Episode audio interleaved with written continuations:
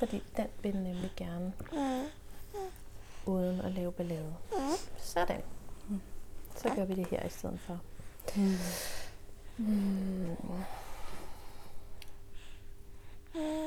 Ja.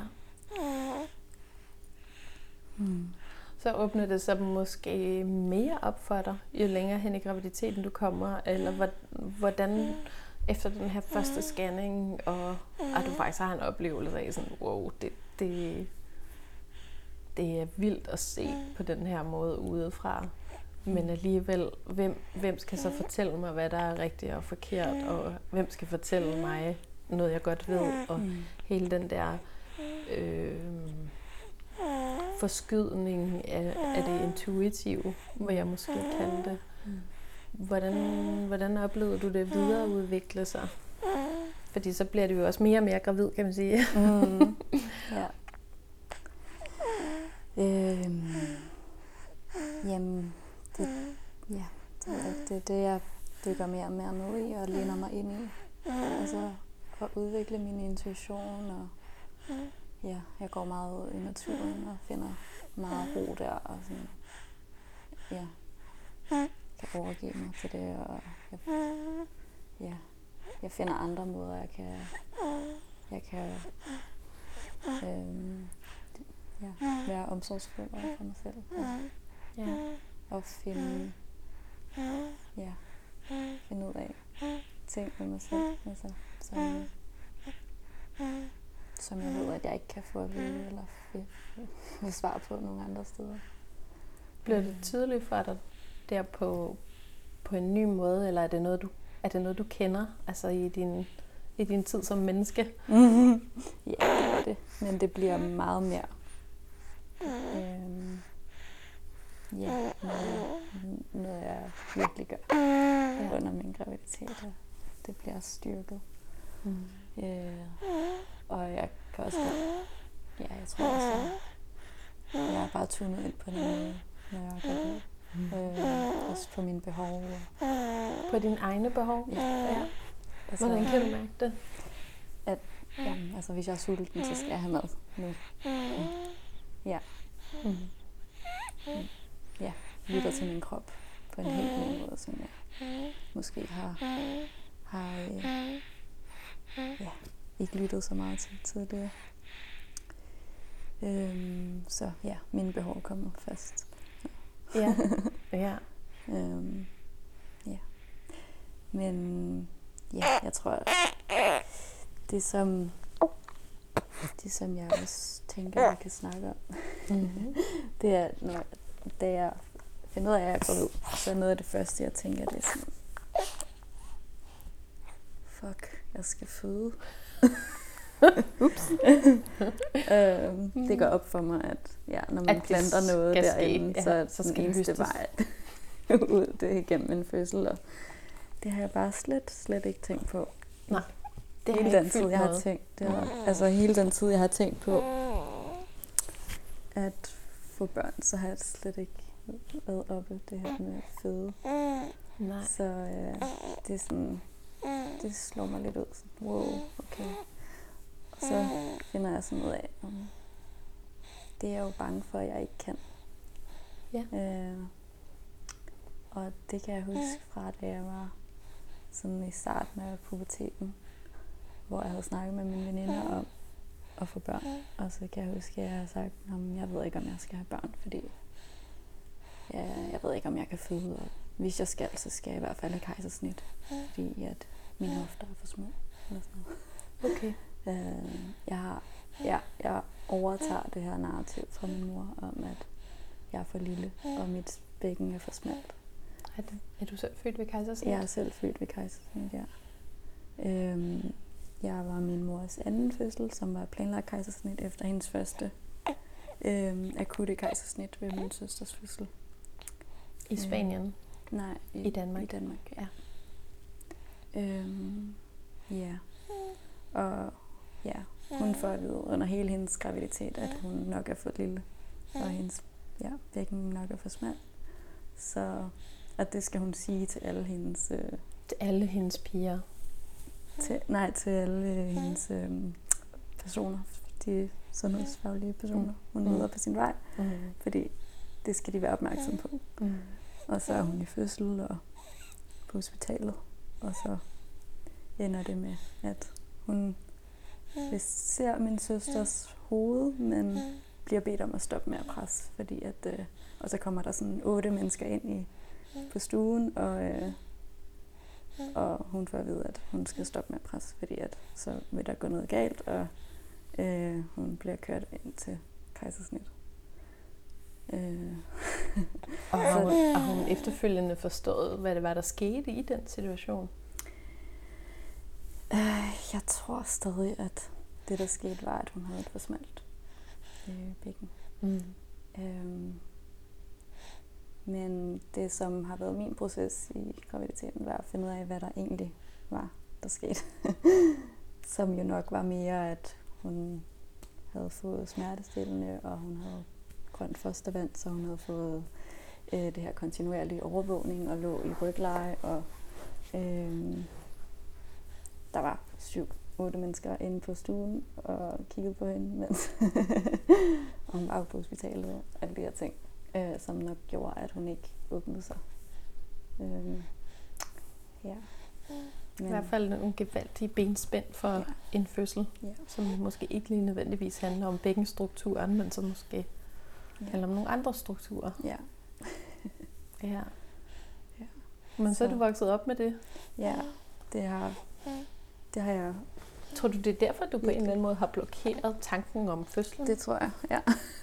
At Jeg det, tænkte, "Nå, det skal jeg jo ikke, ja, for det kan jeg jo ikke. ja. Jeg tror, det har ligget rigtig dybt. Ja, måske helt så dybt, som da du selv lå inde i maven. Lige netop. øhm, Det er også et stort arbejde, du har været på. Ja. Øhm, da jeg blev gravid, der tog jeg hjem til min mor og øh, snakkede med hende om fødsel. Ja. Og hun, øhm, hun tog hendes journal frem fra hendes fødsel. Så I kunne se, øh, hvad der var blevet skrevet. Ja. Ja. Øhm, så der kiggede jeg på dem, og jeg kunne mærke, at det, det gjorde virkelig ondt. Altså på mig. På en måde, som ikke burde, fordi at jeg jo ikke, det er ikke sket for mig, men det føles virkelig traumatiserende. Det, du kunne føle det på din egen krop, hvad ja. hun havde oplevet. Ja. så der kunne jeg godt få en fornemmelse af, at det nok har fyldt rigtig meget, da hun var gravid med mig. Og at det er derfor, at det er sådan... Og det er derfor, du kan huske det så tydeligt. Ja. det sidder virkelig i dine celler. ja. Så det var sådan... Det var noget af det, den mørke... Øh, ja, hvad kan man kalde det? Afkrog, jeg skulle ned i. Øh, hvor jeg virkelig skulle deal med den der øh, de traumer, der sad så dybt i mig. Øh, ja, og så gik jeg ud i skoven. Hvad skete der derude i skoven? Mm. Der kunne jeg bare mærke, at nu, altså naturen er sådan barsk, og ja, livet sker, og død sker, og det er en del af det, og et vilkår, og ja, en mulighed, og når man skaber liv, så skaber man også død. Det er sådan, det er også en del af dens af cyklus. Ja. Ja, så det... Ja, jeg sad meget med den der ja, frygt for, om det også skulle ske for mig. Og så frygt for, om... Ja. Men jeg måtte bare gå med det. Og, Han brokker sig. Ja, Mm. du kunne godt, mor. Vi skal ikke høre på det der. Jeg oplever altså virkelig tit, at når man snakker om fødslen, så babyen, de reagerer helt vildt på det. Det er sådan, jeg ved præcis, hvad I snakker om. Ja, præcis. mm, ja. Din stemme. ja, så det fyldte enormt meget, det der med væggen. Og selvom jeg rationelt, logisk godt kunne se, at altså, Det behøvede ikke at hænge sammen. Det var en grund, og så videre, og så videre. præcis. Ja, og så, er det jo, så oplever man jo tit bare, at øh, logikken er sådan en lille båd. Ja. ude, på det, ude på det der kæmpe hav af ja. følelser og intuition og Ja. Tidligere traumer og hvad vi ellers har nede i grunden. Ikke? Jo. Ja. Ja. Helt præcis. Ja, så selvom jeg godt kunne ligesom tænke, at det, var, det havde ikke noget, det hang ikke sammen. Hendes krop kunne godt føde, men alle de her ting gjorde, at det ikke kunne lade sig gøre. Og det har ikke noget med mig at gøre, fordi jeg er en helt anden krop. En anden tid, Så og- fyldte det bare helt, altså helt frem til fødslen. Og, Ja. og jeg tænkte også, da fødslen gik i gang, øh, tænkte jeg også på det. Ja. Så det var først efter, altså, at jeg følte, at det ligesom kunne virkelig forsvinde, eller forløse sig den der, øhm, det der narrativ om, at min krop ikke er i stand til at føde.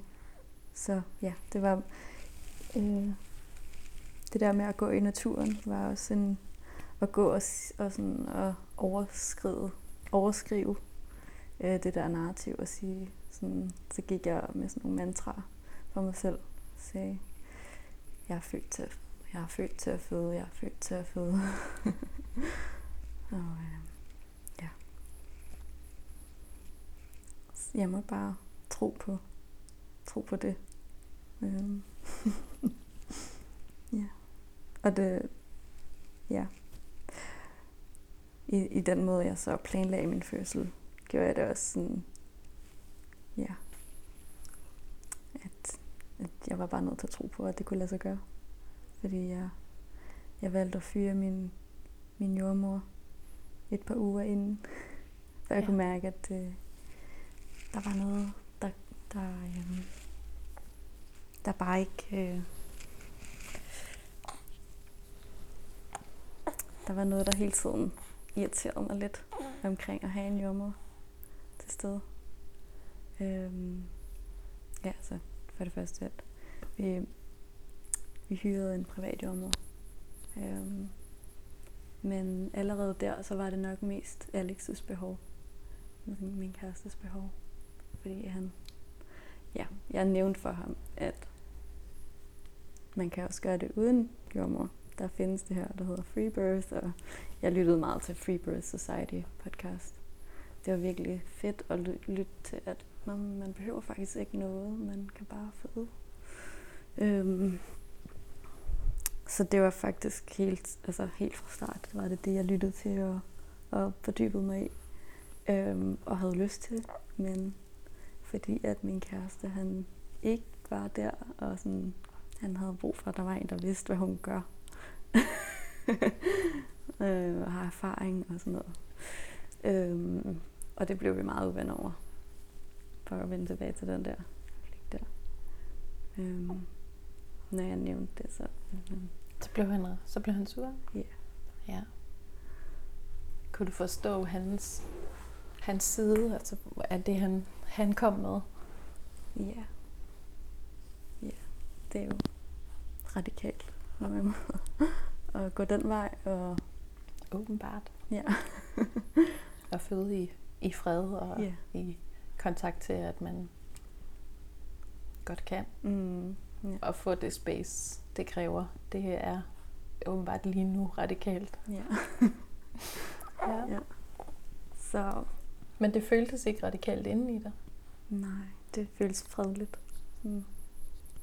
Og, og det ville skabe de rammer for, at jeg kunne åbne mig. Og, jeg, øhm, og det jeg egentlig kom frem til, det var, at det jeg egentlig frygter mest, det er, at nogen andre skal forstyrre min proces. Og, og andres frygt i rummet og brug for kontrol og sådan noget der.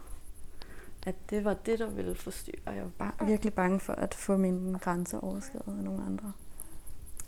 Øhm, men jeg var også bange for, at Alex skulle være bange under fødslen. Det havde jeg heller ikke lyst til. Nej.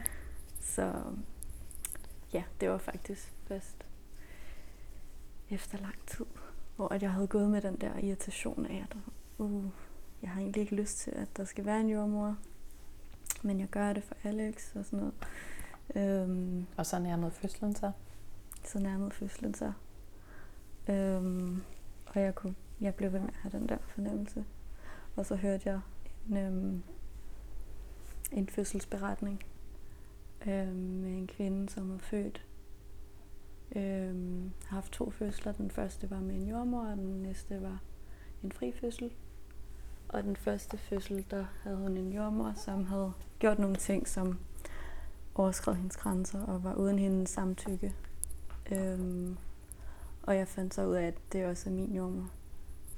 Så det var et klart tegn til, at nu skulle jeg tage min egen øh, stemme seriøst og, og min fornemmelse for, ja, at det var netop det, jeg var bange for skulle Ja. ske, som en anden kvinde beretter om. Og, ja. Så der. Øhm, Og nu er vi jo nede i, nu er vi nede i de fine nuancer, ikke? Det er jo også bare præcis derfor, vi to sidder her lige nu.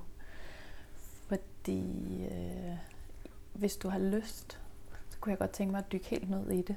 Fordi jeg, jeg ved intuitivt godt præcis, hvad det er, du snakker om. fordi det kan jeg mærke, fordi sådan har det selv været, når jeg skulle føde. Jeg har gjort nogle andre ting, øh, og jeg gør også nogle andre ting, når jeg er til fødsler. Men jeg har lyst til at virkelig folde det her ud, som, som er for, for rigtig mange mennesker helt skjult og ordløst. Fordi det er svært at, at det er simpelthen svært at sige, hvad det er, der grænseoverskrider en. At det, at det andet menneske laver en bevægelse i et rum, siger et ord, ikke siger et ord. At det er det, der, der, der er øh, en forstyrrelse. mm. Og jeg har i hvert fald mange gange prøvet at forklare, hvad, det, hvad, hvad helvede det er. og det er simpelthen så svært at sætte ord på, fordi det er så skjult på en eller anden måde. Så har du lyst til at hjælpe mig med at, at folde det helt ud, mm. så vi Mhm. måske kan få, få mere øje på det, ikke? Jo. Ja. Altså, som er det, jeg var bange for, for eksempel. Så var det, du var bange for, som Ja. det, du hørte, der, der var den grænseoverskridelse Mm. eller forstyrrelse, fordi det er jo Mm. Det er måske lige så meget det. Der er noget, der forstyrrer mig i, mit, i min udfoldelse, mm. i min overgivelse. Hvad Mm. helvede betyder det? Hvad Ja. er det, det betyder for os, når vi er dernede? Ja. Og, og jeg ved, jeg ved, jeg kan sagtens tage det alvorligt der, hvor du har været, men jeg ved for mange, hvis man ikke stopper op Mm. og virkelig lytter, og tager det alvorligt, det der kommer indenfra, så er det så nemt at køre det her sted over. Ja. Og det jeg fornemmer i, i, hvordan du har pakket det ud igennem din graviditet, er, at du har været helt exceptionelt god til med dine metoder og din måde at pakke det ud og lytte til det. Mm. Så har du, Mm. har du mod på at Ja. beskrive det. Mm. Altså, mm, noget af det første, som jeg blev lidt bange for, det var, at i den jordmor, jeg havde øhm, introbrev, der stod, at hun havde den suveræne magt til at beslutte, hvis der skulle være en overførsel til hospitalet. Og der blev jeg sådan, wow, er der nogen, der har den suveræne Magten. magten til at bestemme noget over min krop, om mit barn, om min fødsel. Altså den, det stejlede jeg sådan ret meget på. Og oh nej, hvad hvis, hvad hvis der er den her person, som kan bestemme over mig, nu skal vi det her. Og jeg ved også, at jeg godt kan have en tendens til at komme til at lytte på, hvis der er en autoritet til stede, lytte til vedkommendes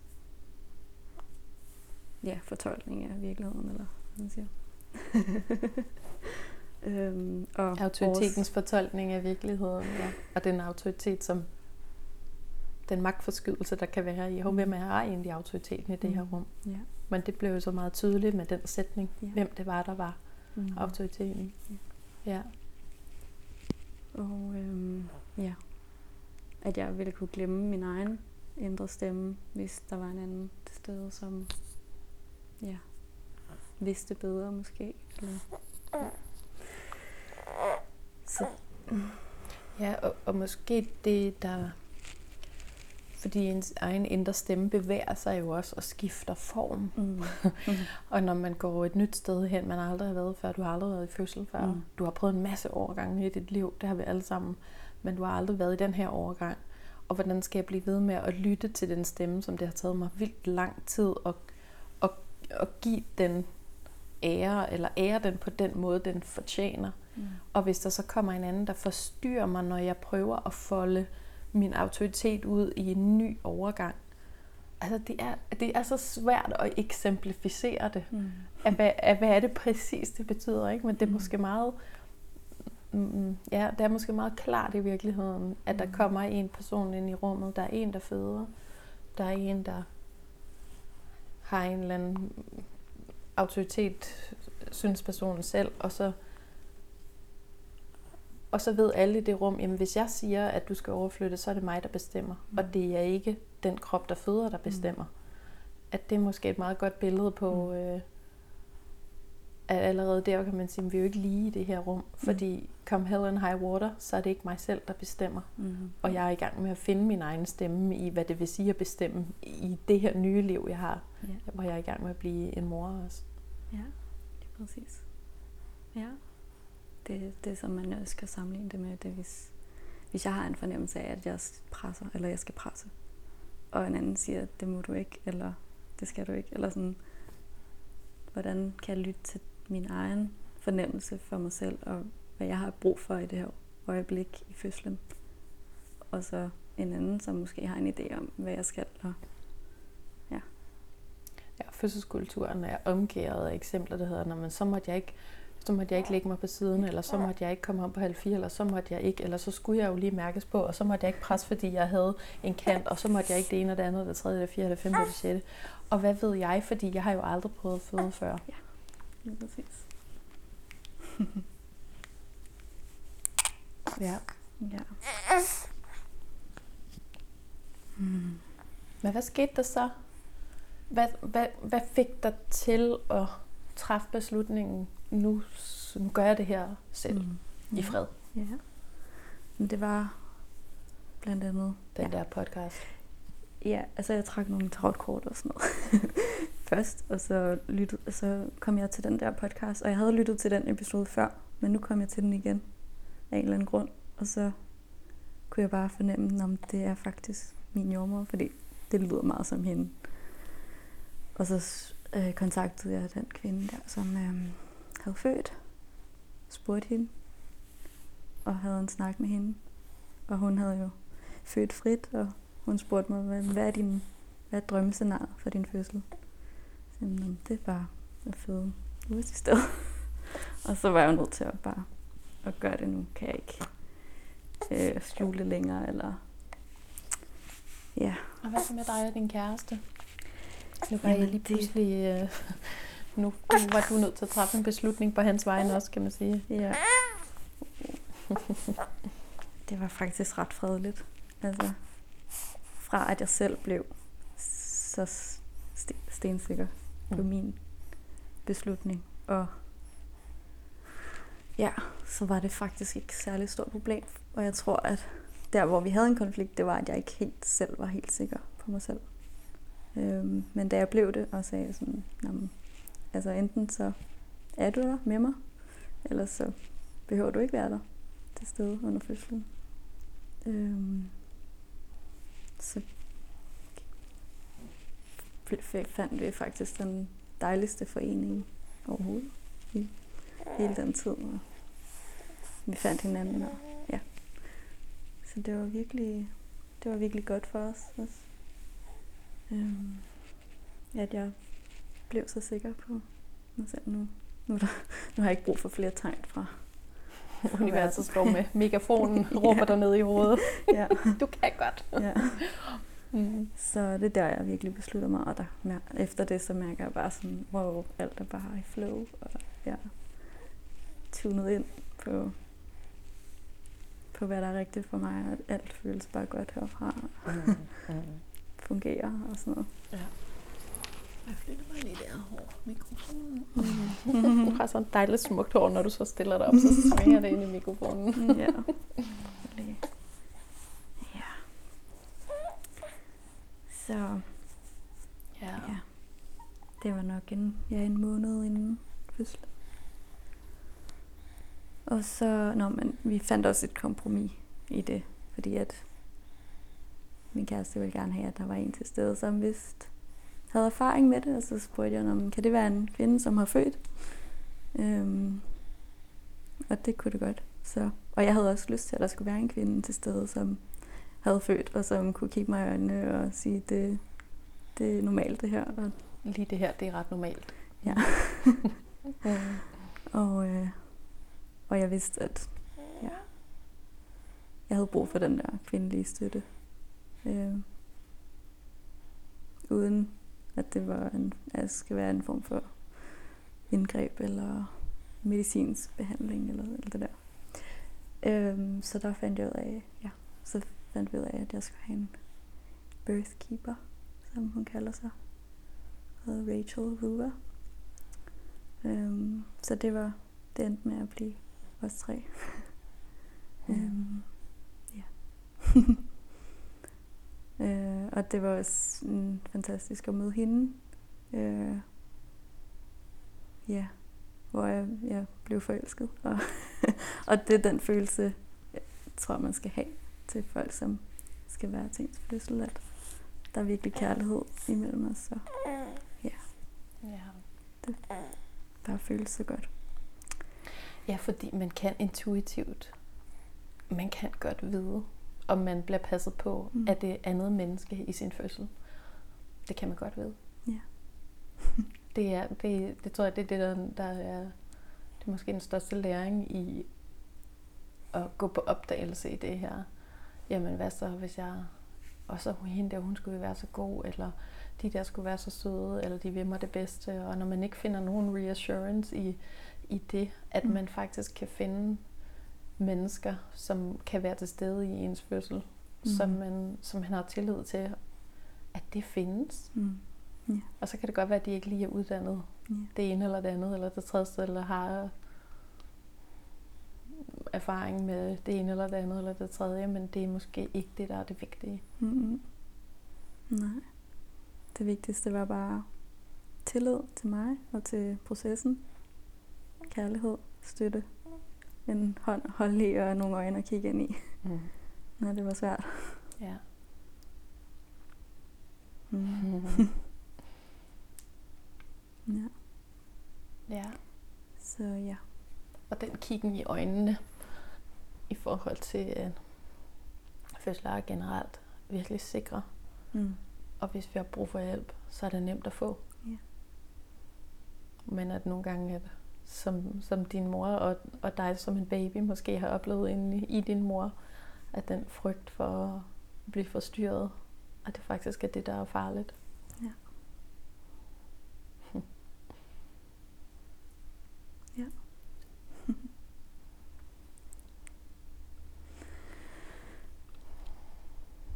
Mm. Hvordan var din fødsel? Mm. Det var fedt. Du var født her, ikke? Jeg er født her. Mm. Ja. Øhm, jeg havde et fødekar her. Mm-hmm. Og med madrassen. vinduerne og madras her foran pejs. Ja. Mhm. Der, vi havde ikke ild i pejsen, fordi vi havde stadig stillads rundt om øh, huset. Så, øhm, der stod en stige der. Og Vi var pakket lidt mere ind, end det var nu. ja. Mm. Og øhm, ja, jeg havde været syg i øh, sådan lidt snottet i to dage, og havde ligget i sengen det meste af dagen. Og jeg tænkte, da dagen var slut, ej, hvor er det godt, at jeg ikke skal føde nu, hvor jeg er syg. og det sagde jeg faktisk højt. Og så gik der ikke så lang tid, så begyndte jeg at få vejer.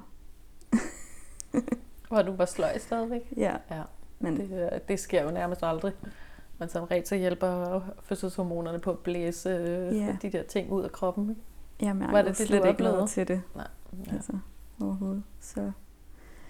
Men jeg mærkede så til det efter fødslen, der blev jeg rigtig sløj. Ja. øhm, men jeg havde, afs- jeg havde aflyst min aftale med Rachel dagen efter, fordi jeg var bange for at smitte hende. Mm. øhm, men så var hun nødt til at komme jo alligevel.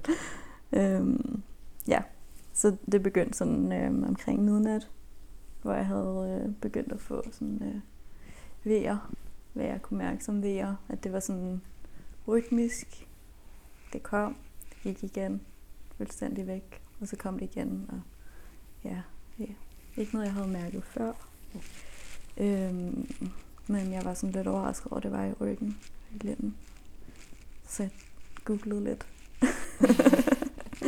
øh, jeg har sådan en, jeg er med i sådan en fødselsgruppe på Facebook. Øhm, hvor jeg har søgt lidt ind i, i det forum, sådan, Nå, hvad hvis det er i ryggen? Og Er det så stadig vejer? Ja, ja. og er det så stadig fødslen, der går i gang nu? Og sådan, ja. Mm, ja. Øhm, Dejligt at have en gruppe, man kan, Ja. man kan snakke med. ja. Mm.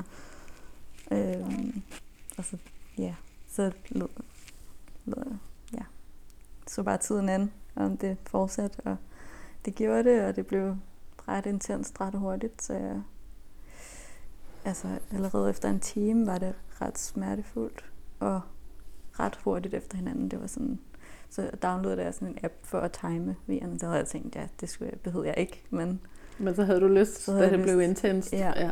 også til at se, øhm, hvor, hvor kort efter hinanden er det. og Sådan, Ja. Hvor er vi henne? Øh, ikke fordi det nødvendigvis kan det virkelig være rigtigt, at det skal være sådan her? Ja. Ja. Hvordan ser det ud, når jeg, når jeg ser det for mig? Ja, Mm. Så- kronologien på en eller anden måde. Ja. Mm. og så den der app, den sagde, nu skal du pakke din taske og tage på hospitalet. Øh, du er i aktiv fødsel, Mm. og det var en time inde i. Okay, Så- ja. Øhm, der var jeg rigtig glad for, at jeg ikke skulle pakke min taske og tage nogen steder hen og bare kunne blive hjemme. Det var bare dejligt. Mm. Øhm, ja, og så lavede jeg sådan nogle øvelser, fordi at jeg søgte lidt på det der med i ryggen. Hvad hvis det er i ryggen? Og så kan det godt være, at Det Han er er- posterior. ja, Mm. han er vendt ryg mod ryg, og at hovedomkredsen på hans hoved derfor vil være større på vej ud.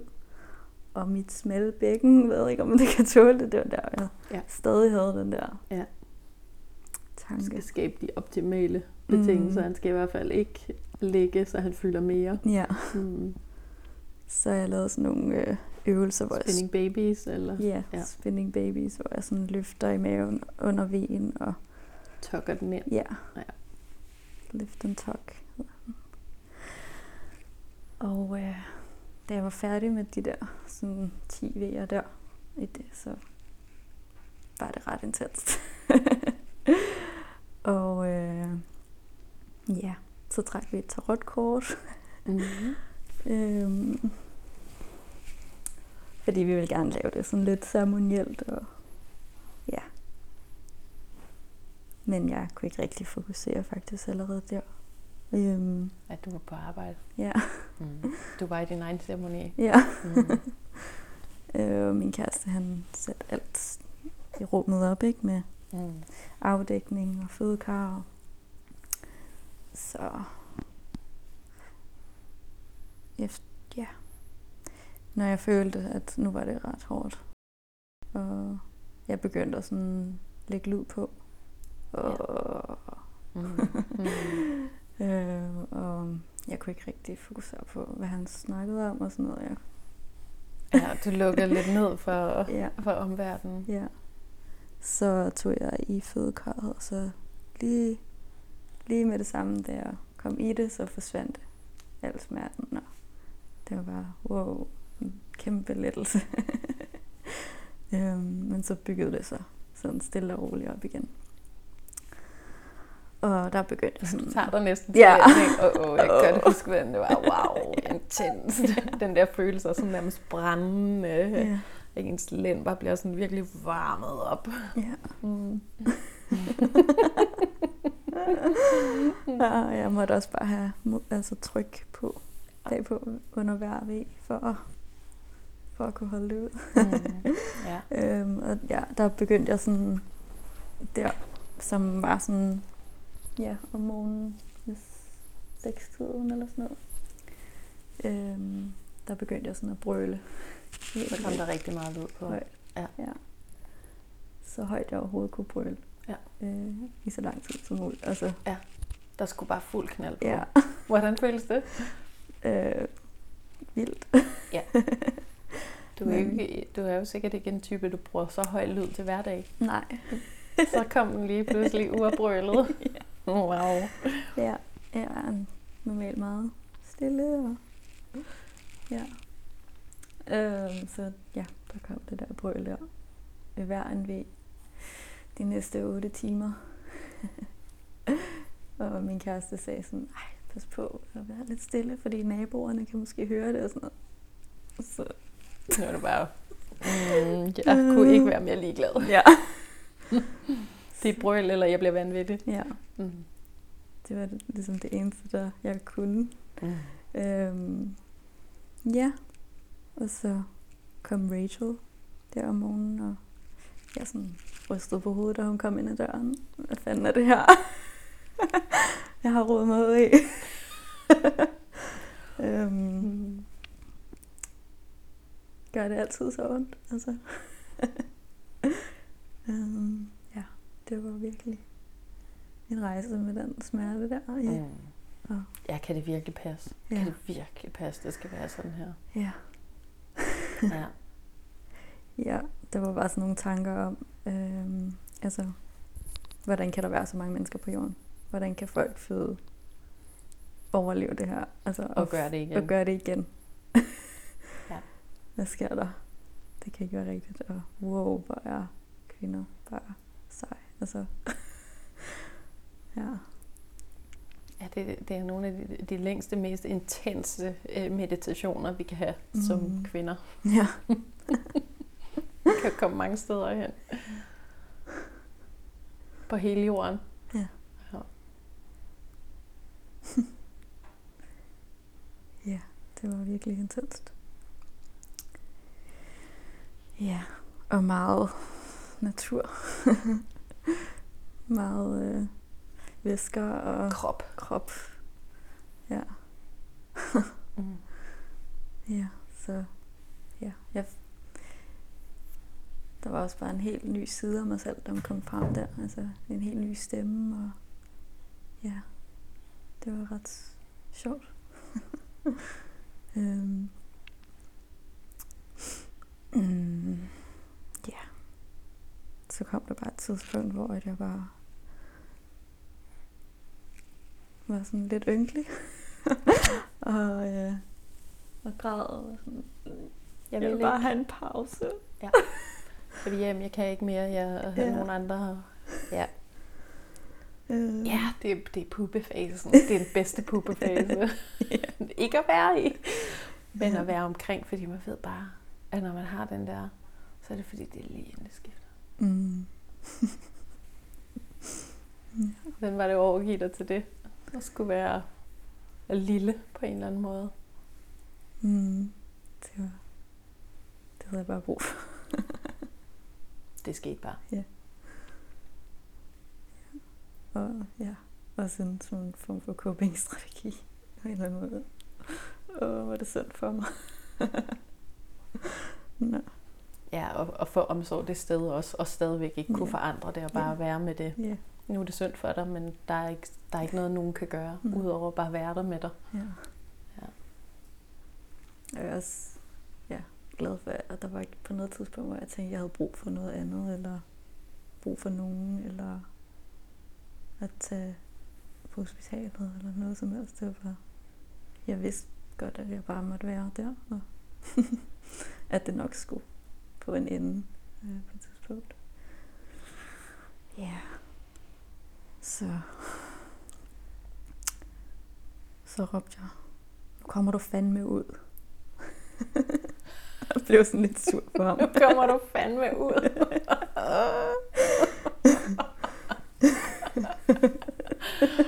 nu har jeg råbt og været ynkelig længe, og nu kommer du fandme ud. Genialt. ja. Kom så ud. Jamen, så synes jeg, at øh, tiden sådan warpede lidt, og ja, så skete der noget efter det. Mm. Øhm.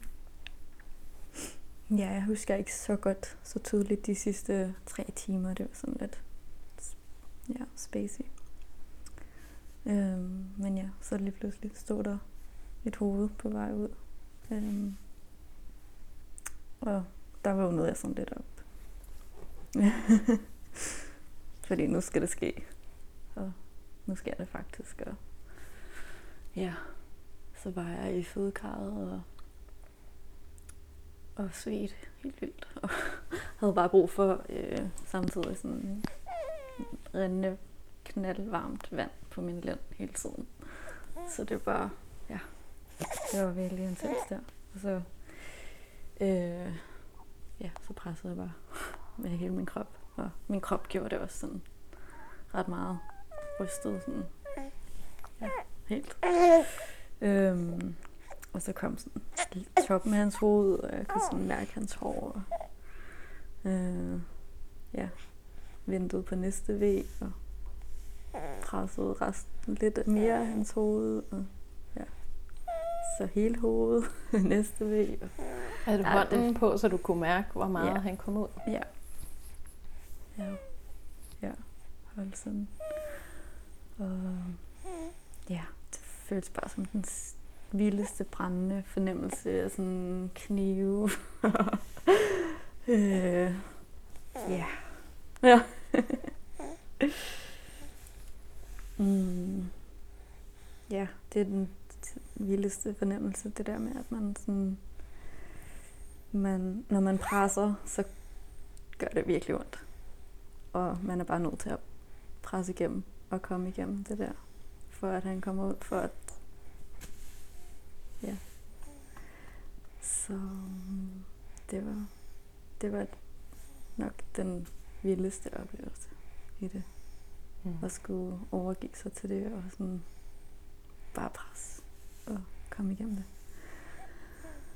Øhm, ja, og så kom resten af kroppen ud efter det.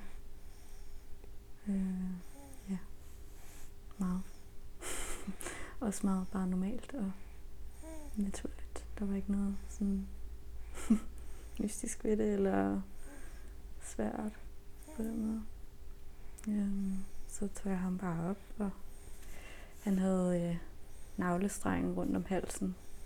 Øh, så den viklede jeg sådan ud to gange, mens den lå sådan lidt nede i overfladen øh, vandet. Og ja, så tog jeg ham op og bare kiggede på ham, og han okay. Og han havde sådan en klump klat blod sådan i baghovedet.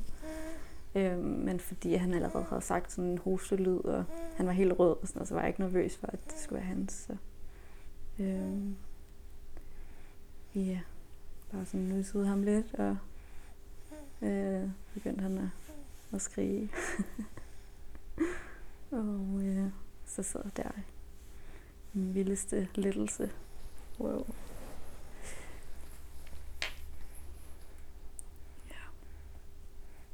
at det kunne lade sig gøre. Altså, jeg var faktisk nervøs for, om han, eller jeg var ikke nervøs for det, men jeg var ikke sikker på, at han var i live stadig.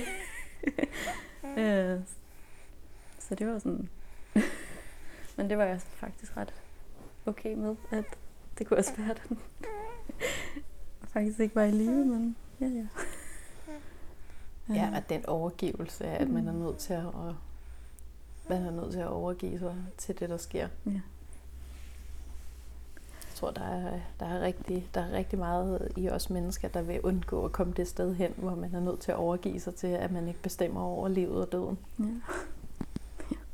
Jeg tror, det, det jeg, lige, jeg kommer til at tænke på, øh, at jeg, jeg mødte sådan, den tillid, den har jeg bedst mødt, da jeg var på Færøerne. Ja. De er stadigvæk ekstremt troende, Ja. og det kan man bare mærke, når de føder. Jamen, det er jo ikke, det er ikke, det er ikke i vores hænder, om folk lever eller dør. Det er ikke os, der bestemmer det. Og det synes Mm. jeg bare var så smukt at kunne Mm. overgive sig til det, fordi når man tænker på, hvad, hvad vi gør for at slippe for at forholde os til, at døden er en, Mm. en del af livet. ja.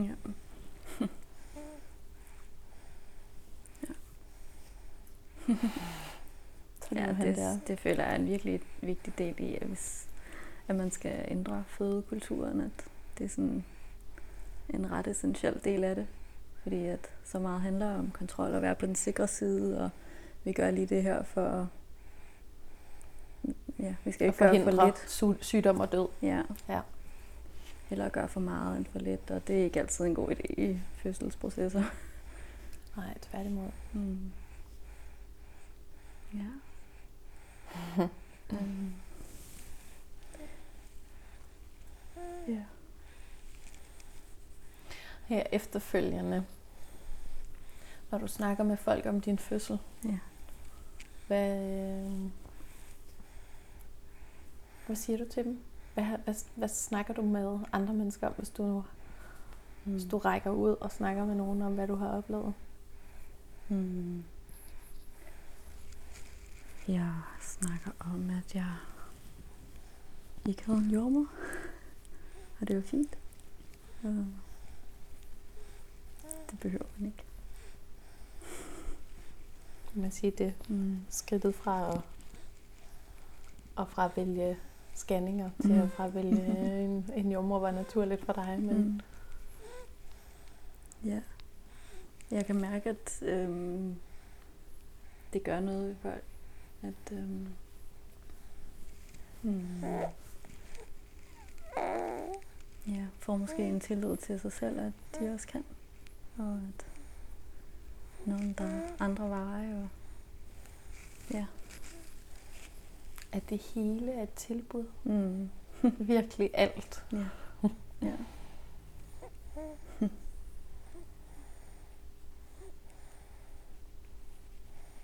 Hmm. Ja. Ja. Og ja, bare det, at det har været så fredeligt, og vi bare var hjemme. Når, altså, det at føde hjemme, det er jo også ret stort for mange.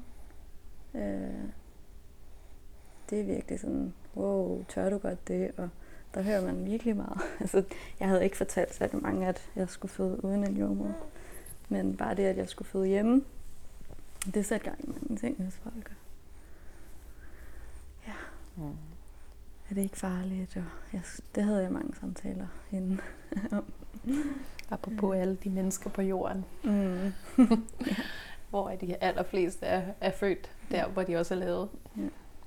uden en medicinsk uddannet personale. Ja. Mm. Ja, Mm. tak for din historie. Lidt. Der er jo også så sindssygt mange nuancer. Mm.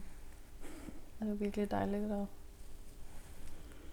at få et indblik og sådan høre dig fortælle om din valg og fravalg, fordi det, det er bare så dejligt, når man ved, hvad der er, man kan vælge, og det er ikke altid, man får øje på det. Så det er jo bare et kæmpe stykke arbejde, du har gjort for at finde ud af, hvad der var det rigtige for dig, endda uden at vide, hvad det var, du kunne vælge til og fra til at starte med. Ikke? Mm. Det tror jeg er meget inspirerende for, Mm. for andre at lytte til. Eller det ved jeg. Det er sådan fascinerende at finde ud af, sådan, Nå gud, man kan jo bare lytte til sig selv. Mm. Og det er i sidste ende den eneste, man, Ja. man rigtig har Ja. i ens egen indre stemme. Ja. Mm-hmm. ja, og det er os selv, der har ansvaret for det. Og ja, der er så meget, som er sådan pakket ind i, at det er sundhedsvæsenet, som har ansvaret for os. Eller, ja.